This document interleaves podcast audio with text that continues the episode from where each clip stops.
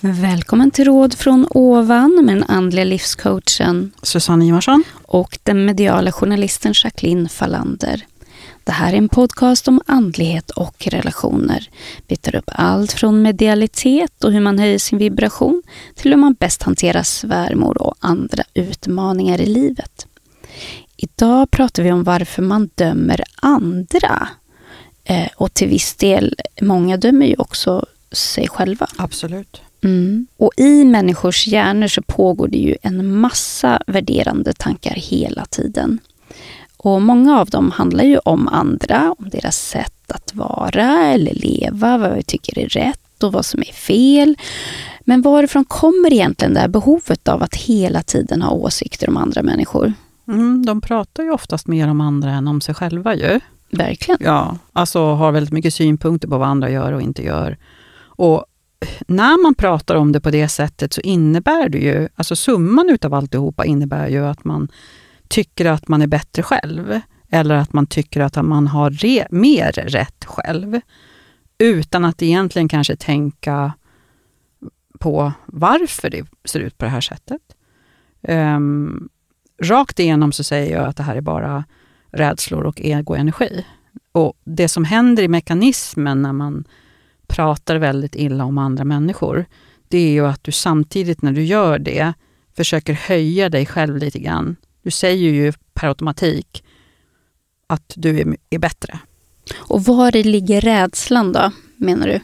Rädslan är ju egentligen att det finns en slags otillräcklighet i väldigt många människor som gör att man någonstans liksom vill förkorta andra människor. Jag tänker ju att man kan ha synpunkter på hur andra människor sköter sitt jobb till exempel. Men det behöver ju nödvändigtvis inte bli skitsnack. Det är ju liksom skillnad där. Jag tycker ju att, att det är rätt hemskt om man liksom gaddar ihop sig och pratar illa om en kollega som inte är närvarande. Då kan det väl vara mer enkelt att, att prata med den där kollegan på ett trevligt sätt så att det landar bra i någon form av förståelse. Eh, så att man kan komma vidare. Jag tänker också att människor lägger ner väldigt mycket tid på att döma andra.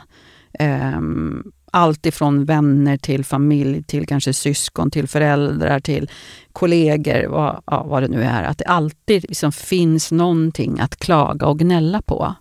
Och kan man utgå då från att alla de människorna som håller på med det här, att det inte känns speciellt bra inuti dem?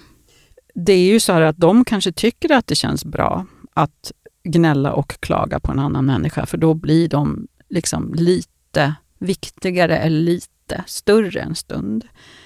Eh, egentligen om vi tänker utifrån energi, så matar du ju själv med en negativt laddad energi när du gör så. Och i, egentligen utifrån ett andligt perspektiv så är det här småttigt. Att liksom hela tiden hålla på och eh, hitta fel hos andra. Vänd fokuset till dig själv istället och fundera över jag tänker en intressant tanke kan ju vara att fundera över varför en annan människa agerar som den gör. Eller att man kanske tar det lite vidare och säger att det finns alltid en orsak till varför saker och ting dyker upp som det dyker upp. Precis som man själv.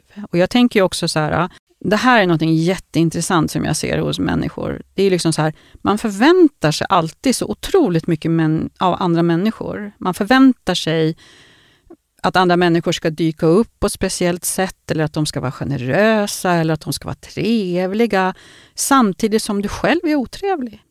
Och då tänker jag, vad är det för konstig balans och vad är det för konstigt ansvar? Om du går in, om du sitter på en restaurang och du äter middag och du är otrevlig mot servitören eller servitrisen.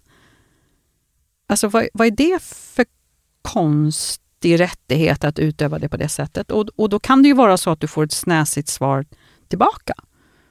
Jag tänker ju om du är trevlig, då är det sällan du får någonting som är otrevligt tillbaka. Det är klart att det kan hända. Men i ett möte med människor där man respekterar varandra, beroende på var det än är någonstans, så är det ju ofta ett, ett, ett samtal där vi har en annan nivå på saker. Alltså du kan känna det rent kraftmässigt, att här här respekterar vi varandra och vi försöker vara ödmjuka inför att vi kanske är lite olika, men att man för, försöker förstå varandra i mötet. Mm.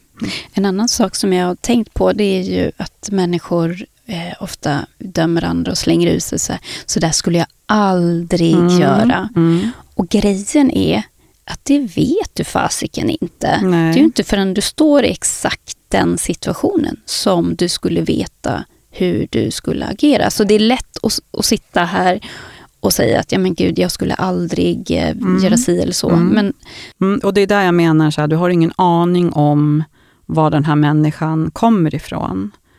Eh, om vi tänker att det finns en människa som agerar konstigt på jobbet till exempel. Och då kan det ju vara så att det finns saker i den människan som du inte vet om.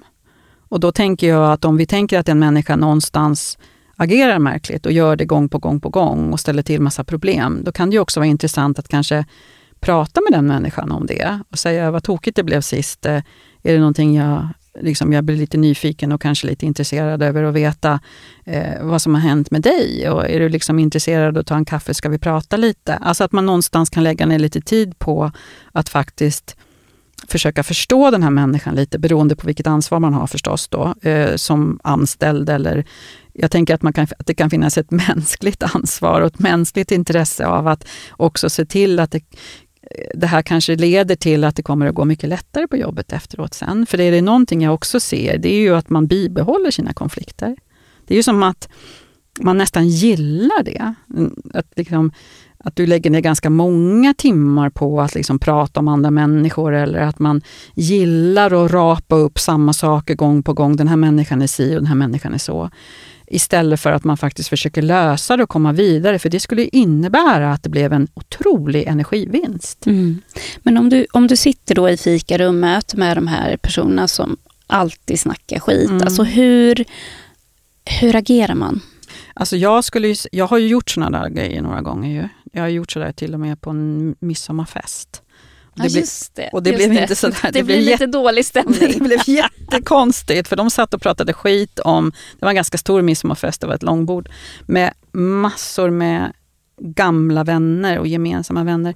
Och så sitter det hela det här bordet och pratar om ett par som inte är där, som då ingick i det här gänget. Och det här paret hade precis separerat och kvinnan då efter, de hade, jag tror de hade fyra barn tillsammans, och kvinnan hade då träffat en ny man. Och den här mannen då som hade blivit övergiven, alltså pappan till föräldrarna, han var ju helt förkrossad. Och då sitter man liksom och pratar väldigt, väldigt illa om den, den här kvinnan. Och eh, efter en liten stund så sa jag så här, men ni har ju ingen aning om vad, hur det egentligen har sett ut mellan de här två. För det var egentligen ingen som... Alltså samtalet handlar väldigt mycket om liksom, antaganden och eh, hur hemsk hon var. Eh, Men sen liksom om, var egentligen ingen som hade haft något innerligt samtal med varken henne eller honom, utan man tyckte bara en massa saker. Jag tänker så här, vi vet ju inte vad som har pågått mellan dem och hur länge det har pågått mellan dem. Och, och jag tänker också så här, att det, är det ett brott att bli kär i en annan person efter många år? Det är det ju inte heller, utan det är sånt som Verkligen händer. Liksom. Ja. Eh, och sen hur man då tar hand om det. Och, och det visste ju alla väldigt lite om egentligen. Utan det man liksom var förskräckligt upprörd över, det var ju att hon hade träffat någon annan. Så jag sa väl någonting sånt här. Jag hade ju ingen kunskap om de här människorna alls. Jag var bara upprörd över hur man pratade om dem som inte fanns med. Eh, och jag sa, vi, vi, jag tänker att vi som sitter här har väl inte hela sanningen eller något sånt där, sa jag. Och sen blev det ju jättekonstigt. Så det, ja, det landade vi inte sådär jättebra Nej. kanske. Och det gör väl sällan det, men det blir ju ändå en markering. Ja, alltså jag vill inte sitta där och, och vara med och delaktig i någonting sånt. Ehm, och jag tänker sådana här saker händer ju säkert i, liksom, ofta för människor. Att vi liksom, speciellt på jobbet tänker jag. Eh, jag hör ju väldigt mycket av det när man pratar om skolorna till exempel, eller man pratar om vården. Eh, Eh, hur kollegor gaddar ihop sig och pratar illa om andra kollegor och sådana saker. Och hur, och hur kan hon göra så? Och han är ju inte klok. Och man håller på på det här sättet liksom, och dömer och dömer och dömer. Och jag tänker så här, vem tror man att man är? Mm. Och då är det som att man möts i den där energin på något sätt. Att man liksom också Åh, vilka nära vänner vi är som sitter här och pratar illa om någon annan. Jag tycker att det där är rätt fult. Verkligen. Mm. Och jag tänker ju att det skapas ju en massa negativ energi Ja, kring, då, men då kring känner, de där människorna. då känner man sig liksom lite nära varandra då när man gaddar ihop sig och kanske pratar illa om någon annan. Och det är klart att vi kanske inte kommer att klicka med alla när vi liksom är i en större, på en större arbetsplats. Men det kan ju ändå vara så att man kan vara schysst, tänker jag. Alltså, har du synpunkter, vill du förändra, försök att prata med den här människan i så fall. Om det är så att det verkligen inte, liksom, om det är verkligen så att hon eller han gör massa tokiga saker. Du, Eh, en, en fundering. ja. Är det skitsnackandet, är det något som går i arv? Och då menar jag förstås inte genetiskt. Men jag tänkte som du har föräldrar som har suttit hemma och snackat en massa skit. Alltså om barnet, liksom, om det överförs på barnet, lite så oreflekterat. Ja, och jag skulle också säga att lite grann kanske att det är kulturellt. Jag, jag upplever ju, nu sticker jag ut hakan, jag upplever att eh, svenskarna gnäller väldigt mycket. Mm, men, eh, och är sen, liksom, om någon kommer och frågar någonting så säger de nej men allt är bra. Istället för att man liksom säger att det här gillar inte jag. Nej. Alltså att man liksom inte är tillräckligt rak där. Och jag upplever inte heller att människor på jobbet eller anställda på jobbet är så raka med sina kollegor, utan man går hellre liksom och bufflar runt och är negativ och gnäller och liksom låter illa istället för att ta ett schysst samtal med den här personen om den här personen på något sätt har gjort någonting som du inte tycker är okej. Och även om du inte tycker att det är okej så behöver ju inte det heller vara sanningen. Tänk om, tänk om det som du gör inte är bra heller då? Alltså någonstans så tänker jag så här, det är lite som att sätta sig på höga hästar och tro att det jag gör hela tiden är så jäkla bra, eller det är bäst. Du gör bara fel, jag gör allting rätt. Liksom. Men det beror på vilken, vem, med vems perspektiv. Ja, Mm. var det inte typ i, Jesus som sa typ den som är utan skuld kastar första Precis stenen? så. Precis Ja. så. Mm. Och det finns, det, nu låter ju det här ganska brutalt, ja. men jag tänker det finns ju en poäng i det. Mm. Att den då som, som, som är, alltså ingen är ju perfekt, men Nej. förstår du? ja. Den som lever eh, eh, helt perfekt då, eh, skulle kunna ha rätt att uttala sig med andra. Men, men om man då skulle befinna sig på en sån nivå att man gör allt rätt, eh, då har man ju verkligen inget behov av att eh, kasta någon skit på någon annan. Nej, och jag tänker ju så här, för vi vet ju också hur, liksom, hur snabba människor är att döma allt ifrån hur man ser ut till vad man har för frisyr, vad man gör, vad man säger och alla de här sakerna. Och det som man ska förstå, eh, det är ju att hur mycket energi lägger du själv på det? Och, och se det som waste, alltså se det som, det leder inte till någonting, utan du själv kommer att göda dig själv med negativt laddad energi. Och om man lyssnar på det här programmet och känner så här, ah shit, det där, jag, är, jag gör ju lite de här sakerna. Eh, hur bryter man det mönstret? För det är ju verkligen inte gynnsamt. Då tänker jag att någonting som är väl, väldigt bra att starta med, för det kan ju ta lite tid att liksom rensa sin, sina tankar ifrån någonting som man har lärt sina tankar att göra, det är att man börjar tacka för saker. Tacka för att du har ett jobb att gå till. Tacka för att du kan betala för din mat. Men jag tror att det är liksom långt där borta, för jag kan ju också känna och se ibland att människor är väldigt rädda för att vara mer liksom fria i att kommunicera med andra människor. Eh, för jag tänker ju om man har en kollega som gör någonting konstigt, som kanske går ifrån den ordningen man har kommit överens om, då, då tänker jag att då kan man väl Eh, säger säga du, så här, kan inte vi, du, du och jag prata lite? Jag tänkte så här, med tanke på att vi har gått igenom de här rutinerna, så ser ju jag att du gör på ett annat sätt. Vad är det som händer där egentligen? Utan att det på något sätt blir hotfullt. För det som händer många gånger det är att det kan uppfattas som hotfullt och det innebär ju det att inte vi kommer vidare, utan då blir det en konflikt.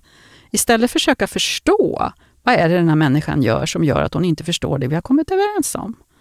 Och är det så att man inte har kommit överens om någonting, då kan det ju vara så att båda de här vägarna att gå, på det sättet som du gör och på det sättet som han eller hon gör, kommer att få precis samma summa. Varför måste det vara precis på ditt sätt?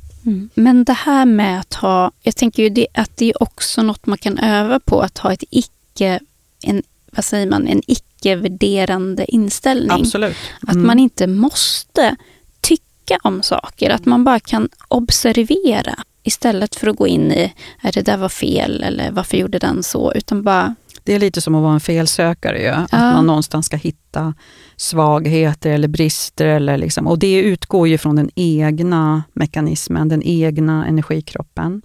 Skulle man vara mer tillåtande i sin, liksom, i sin existens, då är det mer som att man tänker sig, gud vad spännande eller vad intressant den här personen gör på det där sättet. Man kan ju faktiskt lära sig någonting också om man kan vara lite mer öppen av att människor gör lite andra grejer. Mm, att man ser det som ett utforskande. Man, ja, mm. att man liksom mer tänker så här, spännande att hon gjorde på det där sättet. Ja, det har inte jag tänkt på. Man liksom är öppen för att människor kan vara tränade på olika sätt. Jag tänker ju liksom att jobba med den egna inställningen och att man någonstans är medveten om att jobba med den egna inställningen. Det är också en väg framåt. Att tänka så här, nu dömer jag faktiskt henne. Kanske jag ska undersöka det där lite grann istället. Eller? Och också varför man har det behovet, mm. eller hur? Mm. Att om man märker att man klankar ner på andra, så är det ju verkligen dags att fundera på varför har jag ett behov av att göra det?